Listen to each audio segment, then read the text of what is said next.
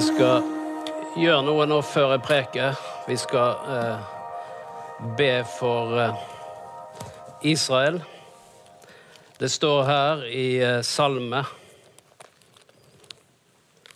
I salme 122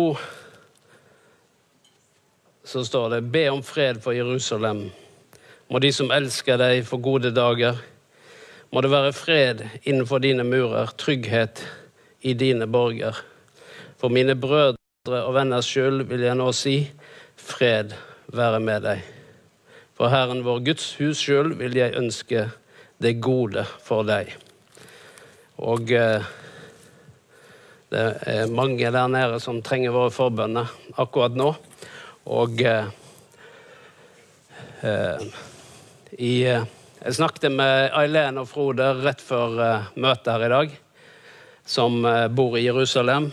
Og eh, Så jeg spurte hvordan går det Så jeg skulle hilse til alle og si at det gikk bra. De er jo et stykke unna der det skjer.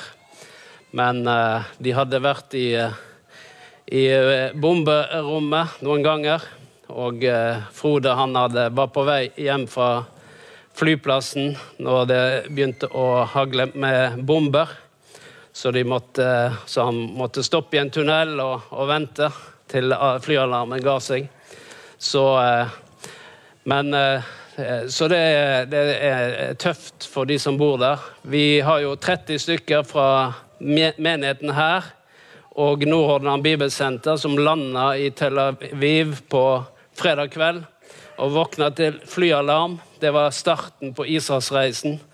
Det var flyalarm og eh, bomberom. Eh, der i, eh, men jeg har kontakt med David Engebretsen, som leder turen. Så han sa at det, de, merker, de hørte drønnene, men eh, de merker ikke så mye der oppe. Men det gikk bra med de alle sammen. Så, så det er, er litt av virkeligheten. Men vi ser at eh, det er ganske eh, alvorlig situasjon som vi har i Israel akkurat nå. Eh, verre enn på 50 år. De mobiliserer mer enn de har gjort på 50 år. Fordi det er 350 døde nå, israelere. Og det blir nok også ganske mange i, Ham i Hamas og eh, Gaza som kommer til å dø. For det er jo krig, det er ondskap. Og det eskalerer ondskap og død. Eh, og, eh, og, og alle liv er like mye verd. Så det er ikke det. Men når en blir angrepet, så er det jo sånn det blir. At da eskalerer det. Og eh, eh, Hamas er en eh, terrororganisasjon. Den blir regna som det alle andre plasser, bortsett fra i Norge. Eh, dessverre. Og eh, jeg ble litt sjokkert i går når jeg hørte utenriksministeren ble spurt er dette en terroraksjon. Nei, det kunne ikke hun si. Så da ble jeg litt sjokkert, fordi alle andre er veldig tydelig på hva dette handler om. Når du dreper små barn, gamle folk, eh, mødre, fedre, ikke bare soldater, men random hvem som helst, så er det klart at dette er terror. Så vi ber, Herre, for Jerusalem, for Israel. Vi ber også for eh, Gaza, Herre, og hele dette området, Herre, som er veldig antennelig akkurat nå. Og vi gjør, Herre, som ditt ord sier vi skal gjøre, Herre. Vi ber om fred for Jerusalem. Og vi ber om fred for Israels grense, Herre. Vi ber om fred for hele regionen der nede, Herre. Vi takker deg, Far, for uh, også de som uh, er våre egne folk der nede akkurat nå. Vi ber, Herre, at du også skal holde din hånd over de, Herre. Vi ber om det i Jesu navn. Amen. Yes. Da skal vi gå over på dagens preken. Men jeg hadde lyst å eh, markere akkurat det som skjer nå. Og eh, det er slik at vi er spart for mye her oppe i nord. Akkurat nå så er jo Per Ove, Kirsten og hele gjengen de er i Irak, så, så det er flere som er på farten i litt sånn eh, spesielle områder akkurat nå. Så de skal være der en ukes tid. Så, så det kan vi òg huske på i bønn. Yes. Og I dag når vi begynner å snakke om ondskap så vi, eh, Det var ikke planlagt sånn, men det var planlagt jeg ville snakke om at Gud er god. Og eh, eh, for noen ganger når det skjer ting i verden, så kan spørsmålet dukke opp. Ja, men hvis Gud er god, hvorfor er det så mye ondskap i verden? Vi skal ikke gå veldig dypt inn på det, men jeg skal nevne det så vidt. Men i Salme 136 vers 1 så står det 'Pris Herren, for han er god'. Evig varer hans miskunnhet. Og eh, det er jo sånn at eh, troen vår den formes av hvilket forestilling og hvilket bilde vi har av Gud. Eh, og ut fra den forståelsen vi har, den oppfatningen vi har av Gud, så påvirker det forventningen vår. Det påvirker handlingene våre. Fordi det er slik vi eh, tenker, slik handler vi. Og slik vi tror, slik forventer vi. Så det, det her påvirker livet vårt. Og eh, Salme 106, eh, 36 den sier det at pris Herren, for han er god. For hans miskunnhet var evig. Og eh, da Jesus kom, så gikk han rundt i, i Israel. Og eh, da kom de til ham og eh, kalte ham at 'du er god', sa de til ham, fordi han gjorde så mange gode ting. Og da eh, sier Jesus eh, at 'hvorfor kaller du meg god'? Ingen er god uten én, og det er Gud, sier han. Så Jesus han slår fast at Gud, vår far, er en god Gud. Og det var jo slik at i, i paradis, i Edens hage, så var det fred og harmoni. Det var ingen død, ingen sykdom, ingen strid, ingen plager i Edens hage. Inntil en dag. Det var slik inntil en dag. For Gud hadde sagt til Adam og Eva dere kan spise av alle trær i hagen, bortsett fra ett. Det er kunnskapens tre om godt og ondt. Hvis dere spiser av det treet, sa han, den dagen kommer dere til å dø. Og da var det ikke først og fremst fysisk død, men døden død, står det. Det betyr åndelig, at vi døde åndelig. Hva er det å dø åndelig? Det er å miste kontakten med Gud. Det å bli født på ny, det, da får du kontakten med Gud tilbake. Fordi at den, eh, kontakten med Gud den kommer innifra. Den kommer fra hjertet. Og Derfor kommer også troen fra hjertet. Du vet, eh, eh, Jesus, nei, Paulus han skriver i Romerbrevet 10 så sier han det at med hjertet tror vi, og med munnen bekjenner vi til frelse. Han sier ikke 'med hodet forstår vi, og så tror vi'. Men det er sånn vår intellektuelle verden tilnærmer seg Gud. det at Vi prøver å forstå. Men det er ikke så, lett å få Gud inn i denne tankeboksen her. Og Derfor sier Gud nei, jeg går forbi hodet, og så går jeg til hjertet. Og Derfor så sier Paulus når det gjelder å tro på Gud, så sier han det har ikke noe med hodet å gjøre. Han sier, han sier, det, han sier ikke at du ikke skal bruke hodet.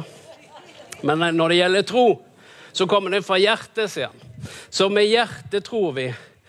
Ikke med hodet forstår vi, og så tror vi. Nei, med hjertet tror vi. Og derfor så er dette med, med tro Det kommer innifra. Og derfor, når vi leser om paradis, om Edens hage, om Gud som skapte, så er vi direkte inne på tro. For det er ikke alltid hjernen henger med på disse tingene. Og så lager en forskjellige teorier om hvordan alt dette ble til.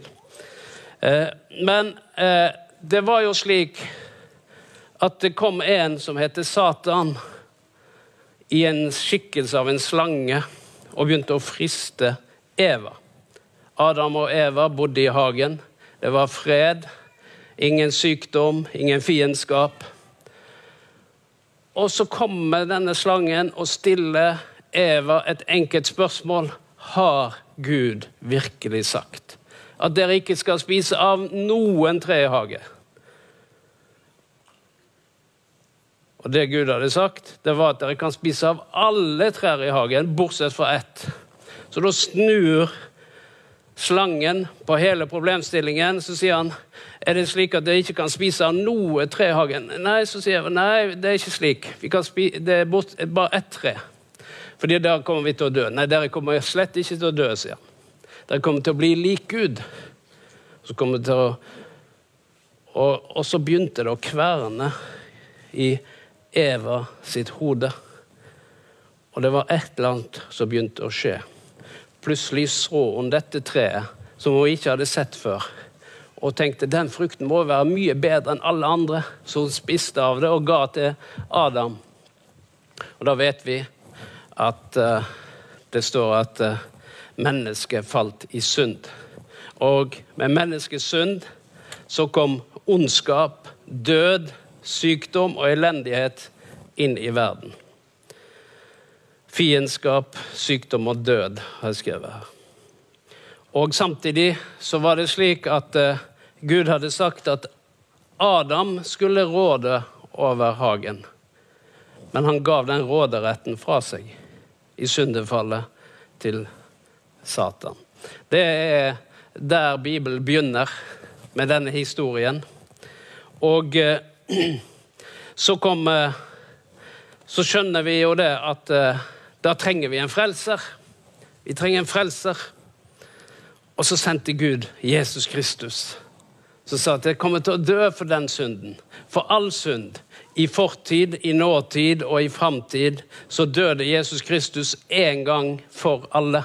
Og så sier han jeg tar skyld, synd og straff og sykdom. Det tar jeg på meg. Og eh, det var Guds svar på synden var Jesus Kristus, slik at vi kunne få et nytt liv. Så når vi ser på Jesus, så er det sånn at eh, Jesus han kom med to. Han hadde flere hensikter med at han kom. Den ene var at han først og fremst skulle frelse oss fra våre synder. Men den andre òg at han ville lære oss hvem Gud var. Han ville vise oss hvem Gud var, fordi det var mange forestillinger om hvem Gud var fra Det gamle testamentet. Israel hadde kjent eh, eh, Gud i, i, lang tid, og de hadde prøvd å forstå hvem Gud var. Men så kom Jesus, og så sier han til eh, en av disiplene sine som sier 'Vis oss Faderen, slik at vi kan vite hvordan han ser ut'. Og så sier Jesus til eh, Philip 'Den som har sett meg, har sett Faderen'. Så det Jesus sier, den som har sett det jeg gjør, og den jeg er, har også sett hvem Gud er, og hva Gud gjør. Fordi han sier at jeg og Faderen er ett. Vi er de samme. Og han sier videre i eh, Johannes 6, 38, at eh, jeg er kommet ned fra himmelen ikke for å gjøre min egen vilje, men hans vilje som har sendt meg. Og Han sier at det var Gud, Faderen, som sendte meg til jorden. Og når jeg kom hit, så var det ikke for å gjøre det jeg selv ville. Men i alle ting så sier jeg, og det jeg sier og gjør, det er, eh, det er Guds vilje. Det er Faderens vilje. Jeg gjør ikke noe av meg selv. Så derfor Når vi lurer på eh, hvem er Gud, så kan vi se på Jesus Kristus. Så kan vi forstå at Jesus Kristus et, eh, reflekterer Gud når han gikk rundt her på jorden. Så det Jesus gjorde Han frelste oss fra våre synder. Han helbredet de syke, han kastet ut onde ånder. De som var plaget, satte han fri. Han gikk rundt og gjorde godt. Det var hans uh, gjerning på jorden. Men så kan vi slå opp i Matteus 7, og vers 7-11. Skal vi lese det? Fordi Jesus han, ikke, han, viste oss ikke bare hvem Gud var, men han begynte å undervise oss om hvem Gud var. Han begynte å lære oss. Og så ble det skrevet ned, slik at vi skulle forstå hvem Gud var. så står det her i uh, Matteus 7 og vers 7. Be, så skal dere få. Let, så skal dere finne. Bank på, så skal det lykkes opp for dere. For den som ber, han får, og den som leter, han finner. Og den som banker på, skal det lukkes opp for. Eller hvem av dere vil gi sin vil gi sønnen sin en stein når han ber om brød? Eller gi ham en orm når han ber om fisk? Når selv dere som er onde, vet å gi barna deres gode gaver, hvor mye mer skal ikke da deres far i himmelen gi gode gaver til den som ber ham? Husk, vi snakker om hvem er Gud, og at Gud er god. Og eh, i sammenligning med Gud så sier Jesus da er vi onde. Det er ikke sikkert du ser på deg selv som direkte ond. Jeg vet ikke hvordan det er når du står opp i dag. Men eh i sammenligning med Gud så er det det, det, den, det, det, det bildet vi må se her. At, eh, for Gud er bare helt igjennom god. Det fins ingenting ondt i Gud. Så blir det sånn at i mennesket så fins det faktisk onde tanker og onde handlinger og onde gjerninger. Det betyr ikke at vi kan definere oss selv som onde, men eh, det fins ondskap. Det har vi sett på TV senest i går. Eh, men eh, han sier noe her. Fordi han snakker om hvilket bilde har du av Gud. Er det slik at eh, fra Gud så kommer det både det gode og det onde. Eh, hvis det er krig i verden ja, eh, Hvis det fantes en gud, så hadde det ikke vært krig i verden. Nei, men jeg har forklart at eh, det var pga. synden og pga. at eh, eh, Satan fikk herredømme, som vi har eh, fiendskap, sykdom og død iblant oss. Det hadde ikke vært der hvis ikke syndefallet hadde kommet til. Men så sier han eh, må, eh, Så det Jesus prøver å skille her, det er at dere må forstå hvor tingene kommer ifra. Slik at eh, vi ikke tenker at eh, alt kommer fra Gud. Både det onde og det gode. Fordi da vil jeg påstå at Gud er schizofren, men han er ikke det. Han, ikke, han har ingen splitta personlighet. Han er Enten er han god og bare god, eller så er det begge deler. Nei, det er ikke slik. Det er ikke slik. Han har ingen splitta personlighet. Og så står det da Til sammenligning så kan vi jo tenke oss Hvem av dere, sier Jesus, vil gi barna deres en stein når han ber om brød? Er det noen her som holder på slik? var det noen som serverte stein til frokost i dag til barna sine. Eller en skorpion istedenfor speilegg. Nei, og Jesus bruker litt sånne banale begrep og enkle bilder fordi at uh, vi, det skal være veldig tydelig på at uh, vår Gud, fra Han kommer det bare gode gaver.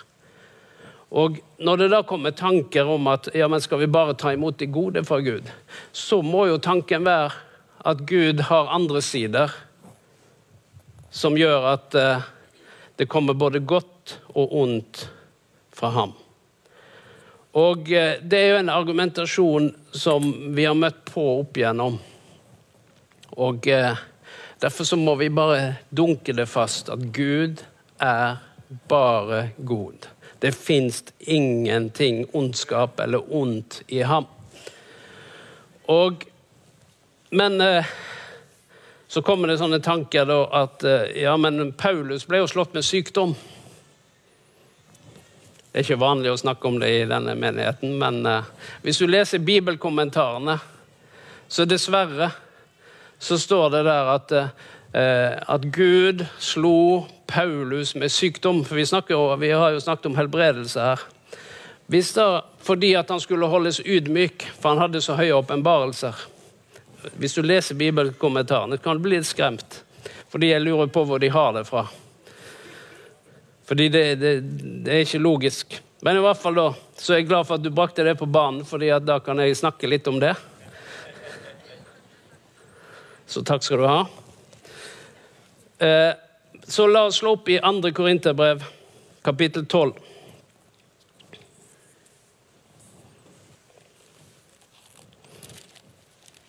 Det er litt sånn bibeltime i dag. Jeg håper det går greit. Vi skal ikke gå for dypt, sånn at vi aldri kommer opp igjen. Vi skal lande en eller annen plass.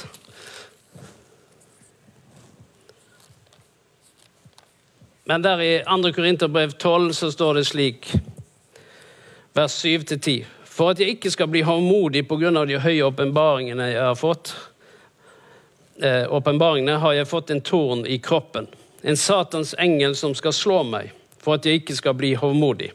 Tre ganger ba jeg Herren om det, at den måtte bli tatt fra meg, men han svarte, min nåde er nok for deg, og eh, for, eh, for kraften fyllendes i svakhet. Det er et vers vi ofte siterer, er ikke det det? Derfor vil jeg helst være stolt av mine svakheter, for at Kristi kraft kan ta bolig i meg. Derfor er jeg fullt av glede når jeg for Kristi skyld er svak, blir mishandlet, er i nød, i forfølgelse og i angst. For når jeg er svak, da er jeg sterk. Ok. Her var det flere ting å ta tak i.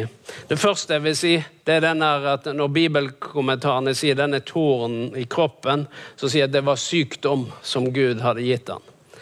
Eh, det står ikke det der. Det står ingenting om sykdom der. Eh, og det ordet 'tårn i kroppen' det er et uttrykk som er henta fra Gamle testamentet. Og eh, Du kan notere 4. Mosebok 33, 55 og Josva 23, 13. På de to plassene finner en dette uttrykket 'torn i kroppen' eller 'torn i kjødet'. Og eh, i begge tilfeller så eh, snakkes det uttrykket seg 'torn i øyet', 'horn i siden', 'pisk over ryggen', 'torn i øyet'. Men det handler aldri om sykdommer. Det handler om folkegrupper som bodde i Kanan, det området som Israel kom til, som eh, ville angripe og plage dem. Så det var snakk om forfølgelse, rett og slett. Ikke om eh, noen fysiske plager, men en ytre fiende som ville angripe Israel når de kom i løfteslandet, som de var på veien. Kanan det var det landet Gud hadde lovt at de skulle få. Eh, så det er ingenting Så når Paulus bruker dette uttrykket, så tror jeg han har dette i baktankene. Det er dette uttrykket som han kjente fra skriftene, fra Fjerde Mosebok og fra Josvas bok. Og i og med han eh, bruker en satens engel, så må det jo være en, en, en ond makt som eh, står bak disse forfølgelsene. Og eh,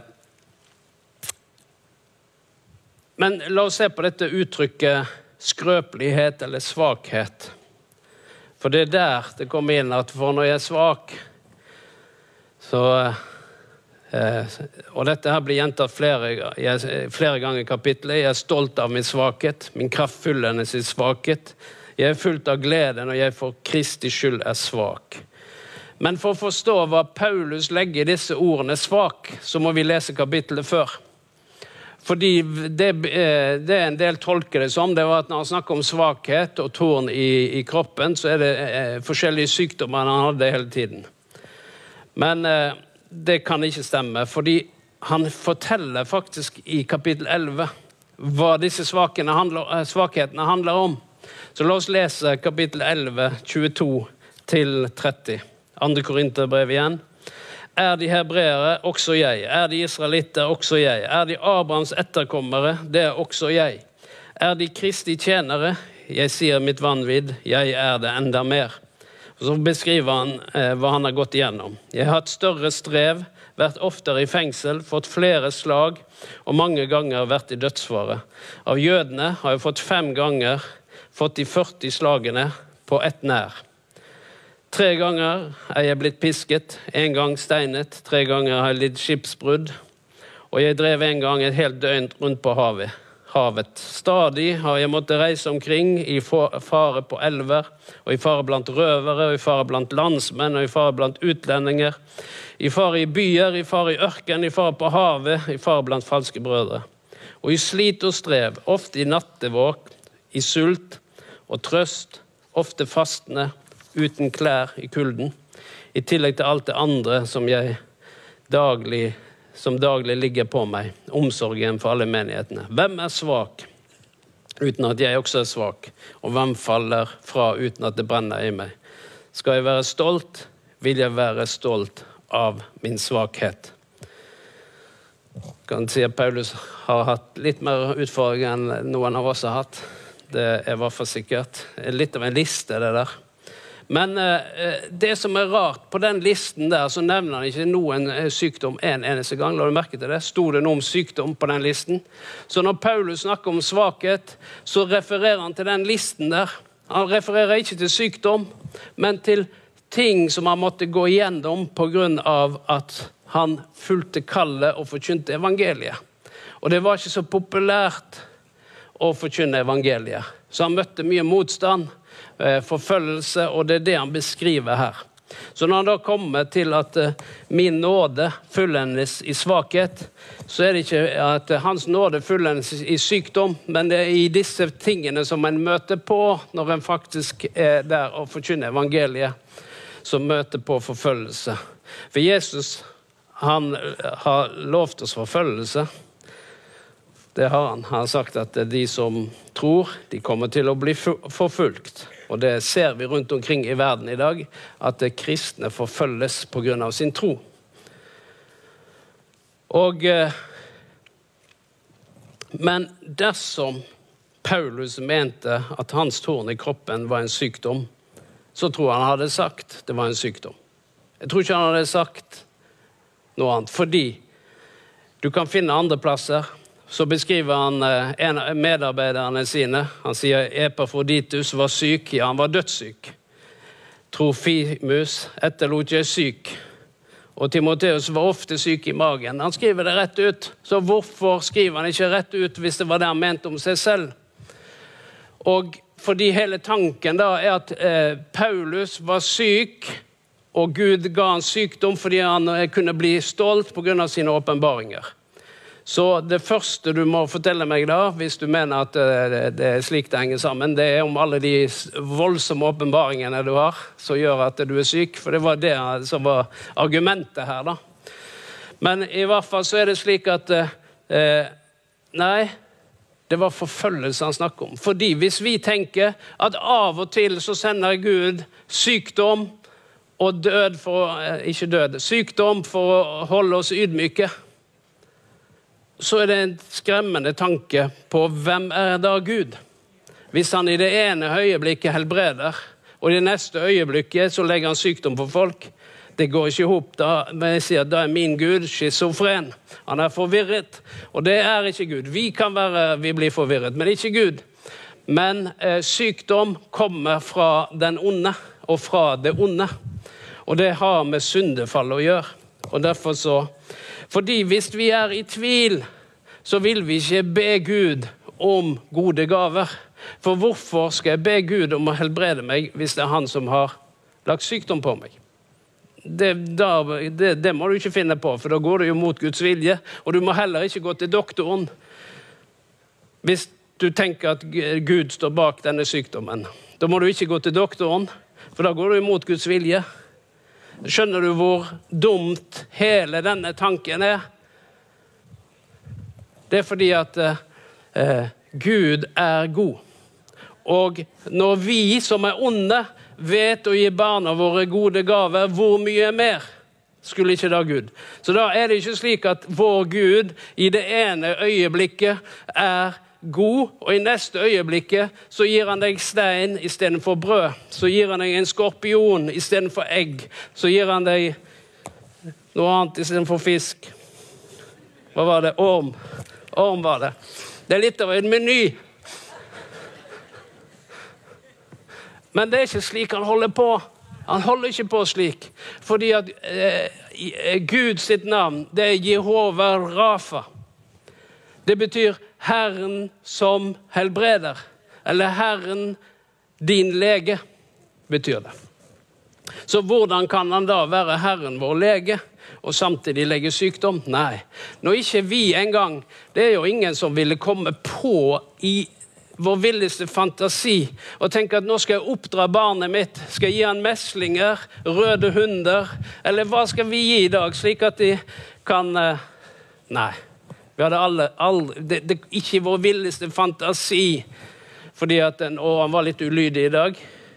Så hvilken sykdom skal vi gi ham? Det, det er jo helt banalt å holde på sånn.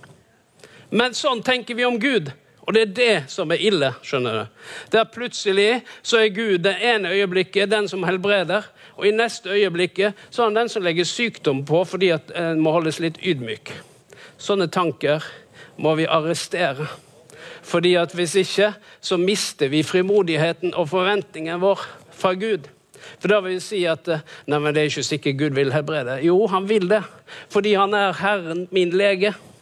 Og han er en god Gud. Han er ikke forvirra. Han er ikke schizofren. Han har én personlighet, og den personligheten er Jehova Rafa. Er Herren din lege.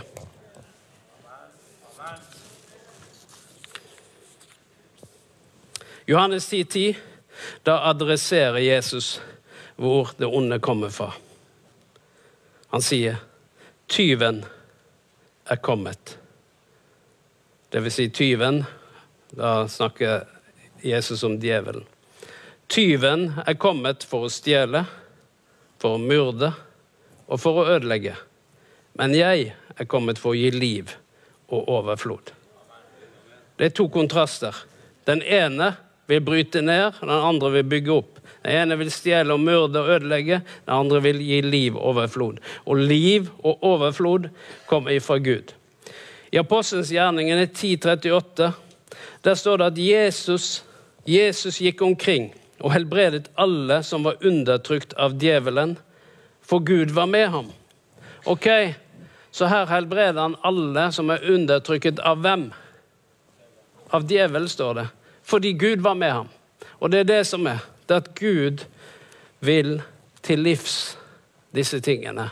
Og han vil gjerne at uh, vi skal gjøre det samme som Jesus gjorde. Det var at vi skal gå rundt og be for de som trenger forbønn. De som trenger hjelp, de som trenger helbredelse, de som er plaga av forskjellige ting. Og da skal vi være slik som Jesus. Og Det er det vi har fokusert eh, denne høsten her. Det er derfor vi har vitnesbyrd på tavla der ute. Det er fordi at vi tror at Gud er en god Gud. Og vi tror at Gud helbreder og setter fri og bryter lenker og bånd, slik at vi kan få det bedre mens vi er her på jorden. Jeg har lyst til å avslutte med Salme 103. Bare lese denne salmen. Og der står det slik Velsign Herren min sjel. Alt som er i meg er, velsign Hans hellige navn. Velsign Herren min sjel. Glem ikke alt det gode han gjør. Han tilgir all din skyld og leger all, alle dine sykdommer. Han frir ditt liv fra graven og kroner deg med barmhjertighet og kjærlighet. Han metter ditt liv med det gode, og du blir ung igjen som ørn. Herren skaper rettferd han lar undertrykte få sin rett. Han kunngjorde sine veier for Moses og sine gjerninger for Israels folk. Barmhjertig og nådig er Herren, sen til vrede og rik på miskunn. Han anklager ikke for alltid og er ikke for evig av harm. Han gjør ikke gjengjeld for våre synder, han lønner oss ikke etter vår skyld. Så høy som himmelen er over jorden, så veldig er hans miskunn over den som frykter ham. Så langt som øst er fra vest, tar han syndene våre bort fra oss. Som en far er barmhjertig mot sine barn, er Herren barmhjertig mot den som frykter ham. Denne salmen den oppsummerer alt det som vi har snakket om i dag. Det at Gud er en god Gud, full av nåde, full av miskunnhet. Og han er den som leger all din sykdom alle dine sykdommer og frir ditt liv fra graven. Han metter ditt liv med det gode. Det er den Gud som vi tilhører. Det er den Gud som kaller oss sine barn, og som vi kan si at du er vår far, Gud, og vi elsker deg. Du er vår far, Gud, og du er en god Gud som har omsorg for oss. Selv om vi ser ondskap i verden, så er det ikke du som står bak denne ondskapen. Men du kommer en dag til å dømme både levende og døde. Du kommer en dag til å sette foten ned helt og fullt. Og det kommer til å bli fred på denne kloden. Men det er ikke det vi ser akkurat nå. Men det kommer en dag. Det kommer en dag. Men før denne dagen så er det òg slik at vi, kanskje det kommer en dag i vårt liv, hvor vi må ta en beslutning for å si at ja, men Gud, den Gud som er vår far Kanskje det ikke er din far, kanskje du ikke kaller deg selv som eh, et Guds barn. Da kan det være at er dagen i dag, eller dagen som kommer, er den dagen hvor du må ta en beslutning for hvor, hvordan ditt forhold til Gud skal være. Og Da er det å invitere Jesus inn og si Gud, jeg ønsker å tro på deg, jeg ønsker å følge deg, jeg ønsker å bli kjent med deg. Det begynner med at en begynner å søke. For det vi leste, at den som ber, han får. Og den som søker, han finner. Så hvis du søker, så kommer du til å finne. For det er slik det er. Og hvis du hører på oss nå på TV, så kan det være at det, det gjelder deg også. At det er din tid for å søke Gud og bli bedre kjent med Ham. Vi takker deg, Herre for din godhet imot oss og din nåde. At du er en god Gud, full av barmhjertighet. Takk, Herre, at du holder ikke synden opp imot oss, men du holder din nåde tilgjengelig for oss, slik at vi kan få frelse og tilgivelse. Vi takker deg for det. Vi takker deg for det, Herre. Ber vi, Herre, for oss som er til stede, for at vi skal hjelpe oss, Herre, til å tro. Hjelpe oss til å forstå og kjenne deg, Herre mer og mer i tiden som kommer. Vi bare priser deg for det, Herre. Vi takker deg, Herre. Takk, Herre, for din rike nåde imot oss. Takk, Herre. Takk, Jesus Kristus, for din godhet. Amen.